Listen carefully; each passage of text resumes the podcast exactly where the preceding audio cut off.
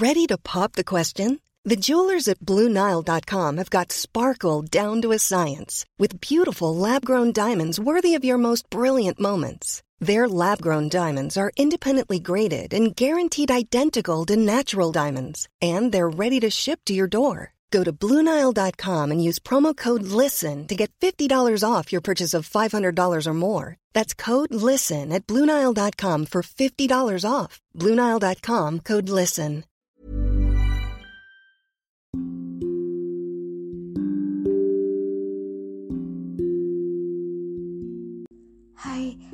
Kasih sudah mengunjungi dan hendak mendengarkan podcast Dongeng Tidur. Aku Irene Vita. Selama ini aku pakai aplikasi Anchor untuk buat dan publish seluruh episodeku. Kalian juga bisa loh download dan pakai Anchor untuk buat podcast karena 100% gratis dan bisa didistribusikan ke Spotify atau platform podcast lainnya. Selamat mendengarkan. Sultan Agung Kalimas Semoga lekas tidur dan bermimpi indah. Pada zaman dahulu, saat Belanda menjajah negeri kita, raja-raja di wilayah Jawa masih tercerai berai. Mereka belum bersatu, sehingga tentara Belanda dengan mudahnya menaklukkan wilayah-wilayah di Indonesia dengan peralatan yang canggih. Sultan Agung, raja dari Mataram pun hendak mempersatukan raja-raja di Pulau Jawa untuk mengusir penjajah Belanda. Untuk dapat melakukannya, ia hendak menaklukkan kembali raja-raja di wilayah pesisir untuk kemudian dipersatukan kembali agar dapat melawan penjajah Belanda. Pertama-pertama, Kadipaten Surabaya yang saat itu dikuasai oleh Adipati Pangeran Pekik. Namun, Pangeran Pekik sudah mengetahui melalui mata-matanya bahwa tentara Mataram sedang menuju Kadipaten Surabaya untuk menaklukkan Surabaya. Pangeran Pekik pun memanggil Patih Suradikda dan berkata, Paman Patih Suradikda, tentara Mataram mulai mendekati wilayah kita. Aku ingin tahu apakah bala tentara kita sudah siap untuk melawan? Pati Suradikda menjawab, Hamba telah mempersiapkan para tentara kita untuk melawan tentara Mataram, Baginda. Mereka telah dilatih dan dibekali dengan ilmu keprajuritan. Pangeran Pekik membalas, Baguslah kalau begitu. Tentara kita tidak boleh kalah dari Mataram. Aku tidak ingin orang-orang Surabaya menjadi budak orang-orang Mataram. Tapi pembicaraan harus terhenti karena seorang prajurit mata-mata datang sambil berlari dan berkata, Ampun Baginda, hamba hendak melamporkan bahwa tentara Mataram sudah memasuki wilayah Kadipaten Surabaya. Mendengarnya, murkalah Pangeran Pekik dan segera memerintah untuk mempersiapkan bala tentaranya menuju perbatasan Kadipaten Surabaya pertempuran tak terelakkan lagi. Bala tentara Mataram kewalahan menghadapi bala tentara dari Kadipaten Surabaya yang memang sudah dipersiapkan sebelumnya. Teknik berperang mereka pun jauh lebih bagus. Hingga akhirnya Patih Suradikda dari Kadipaten Surabaya berhadapan langsung dengan Patih Kridanagara dari Kerajaan Mataram. Mereka saling beradu mulut. Patih Suradikda dari Kadipaten Surabaya meledek. Hanya kau dan bala tentara yang datang? Apa Raja Mataramu takut menghadapi kami? Patih Kridanagara dari kerajaan Mataram membalas, Memangnya siapa kau hingga berani menantang rajaku?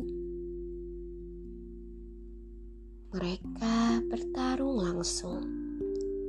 Meski Patih Kridanagara juga tangguh, tapi tetap kalah dari Patih Suradikda yang gesit. Kemudian, sebuah tendangan kuat dari Patih Suradikda membuat Patih Kridanagara terlempar cukup jauh. Melihatnya terkalahkan, bala tentara Mataram yang masih hidup langsung berhamburan untuk menyelamatkan diri. Patih Kridanagara pun kembali ke perkemahan dengan dipapah salah seorang prajuritnya. Setibanya di perkemahan, ia segera menghadap Sultan Agung yang menunggu laporannya. Namun, Sultan Agung tertegun saat melihat kondisi Patih Kridanagara. Patih Kridanagara menceritakan kejadiannya.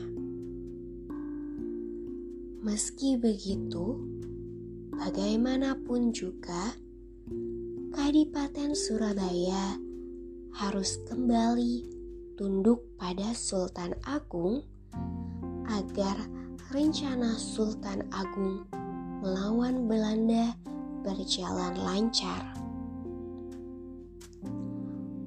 apalagi dengan prajurit mereka yang tangguh dan gagah berani, akan sangat berguna untuk melawan dan mengusir para penjajah tentara Belanda. Patih Kridanagara pun menawarkan perubahan taktik berperang pada Sultan Agung. Katanya, Begini, Baginda, semua orang yang ada di Kadipaten Surabaya selalu mengambil air minum dari Sungai Berantas. Jika mereka tak dapat minum lagi dari Sungai Berantas dan tak dapat mencari makan, makin lama mereka akan menyerah dengan sendirinya pada kita. Tapi bagaimana caranya kita mencegah mereka untuk mengambil air dari sungai berantas? Apakah kita harus berjaga di sungai itu? Tanya Sultan Agung bingung. Baginda, kita tidak harus menjaganya, tapi kita bisa memasukkan kotoran ke dalam lalu kita kepung hingga bantuan bahan makanan tidak dapat masuk ke kadipaten. Jawab Patih Kridanagara. Mendengarnya, Sultan Agung menyetujuinya dan memerintahkannya untuk segera melaksanakannya. Kemudian, Patih Kridanagara mengajak para prajuritnya untuk memasukkan segala kotoran ke dalam sungai Berantas. Sampah-sampah, sisa makanan, bangkai binatang, bangkai manusia, dan lainnya. Sementara itu, bahan makanan pun tidak dapat masuk ke Kadipaten Surabaya karena diambil oleh tentara Mataram. Hal ini membuat Adipati Surabaya bingung. Persediaan makanan dan minuman pun hampir habis. Beberapa prajurit yang diperintahkan untuk mengambil air dari Sungai Brantas pun harus kembali dengan tangan hampa. Rakyat di Kadipaten Surabaya terancam kelaparan dan kehausan. Mana air itu? Kenapa kalian kembali dengan tangan hampa? Apakah sungai berantas telah kering? Tanya Adipati Surabaya. Ampun Baginda, sungai berantas tidaklah kering, tapi airnya sudah berubah warna. Warnanya kini menjadi kuning keemasan dan banyak kotoran di dalamnya air sungai berantas sudah tidak layak untuk diminum, Baginda. Ucap prajurit yang melapor. Apa? Air kali berantas telah berubah menjadi warna kuning keemasan? Bagaimana kita dapat menghilangkan rasa dahaga kita? Kalau mau mencari keluar kadipaten, itu sangat sulit dilakukan karena tentara Mataram telah mengepung Kadipaten Surabaya ini. Adipati Surabaya pun menjadi bingung. Kemudian beberapa hari berlalu sudah. Rakyat di Kadipaten Surabaya bertahan tanpa makan dan minum Akhirnya, mereka tidak dapat menahannya lagi dan menyerah kalah kepada Raja Mataram. Pangeran Pekik akhirnya tunduk pada Sultan Agung. Kemudian, Sultan Agung diterima dengan baik di Kadipaten Surabaya. Sebenarnya niatmu untuk mempertahankan kadipaten sangat bagus. Tapi aku perlu melakukan ini karena ingin mempersatukan raja-raja di seluruh wilayah pesisir. Lalu akan kuajak semua untuk melawan tentara Belanda yang telah menjajah negeri kita. Ucap Sultan Agung. Baiklah, aku mengerti. Aku akan bersatu dengan kerajaan Mataram untuk mengusir penjajah. Ucap Adipati Surabaya.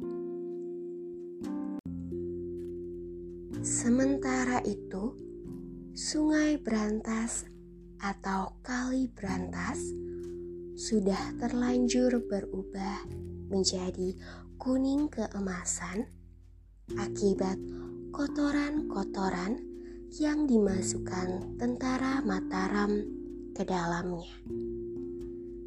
Sejak saat itu, Kali Berantas disebut dengan nama Kalimas.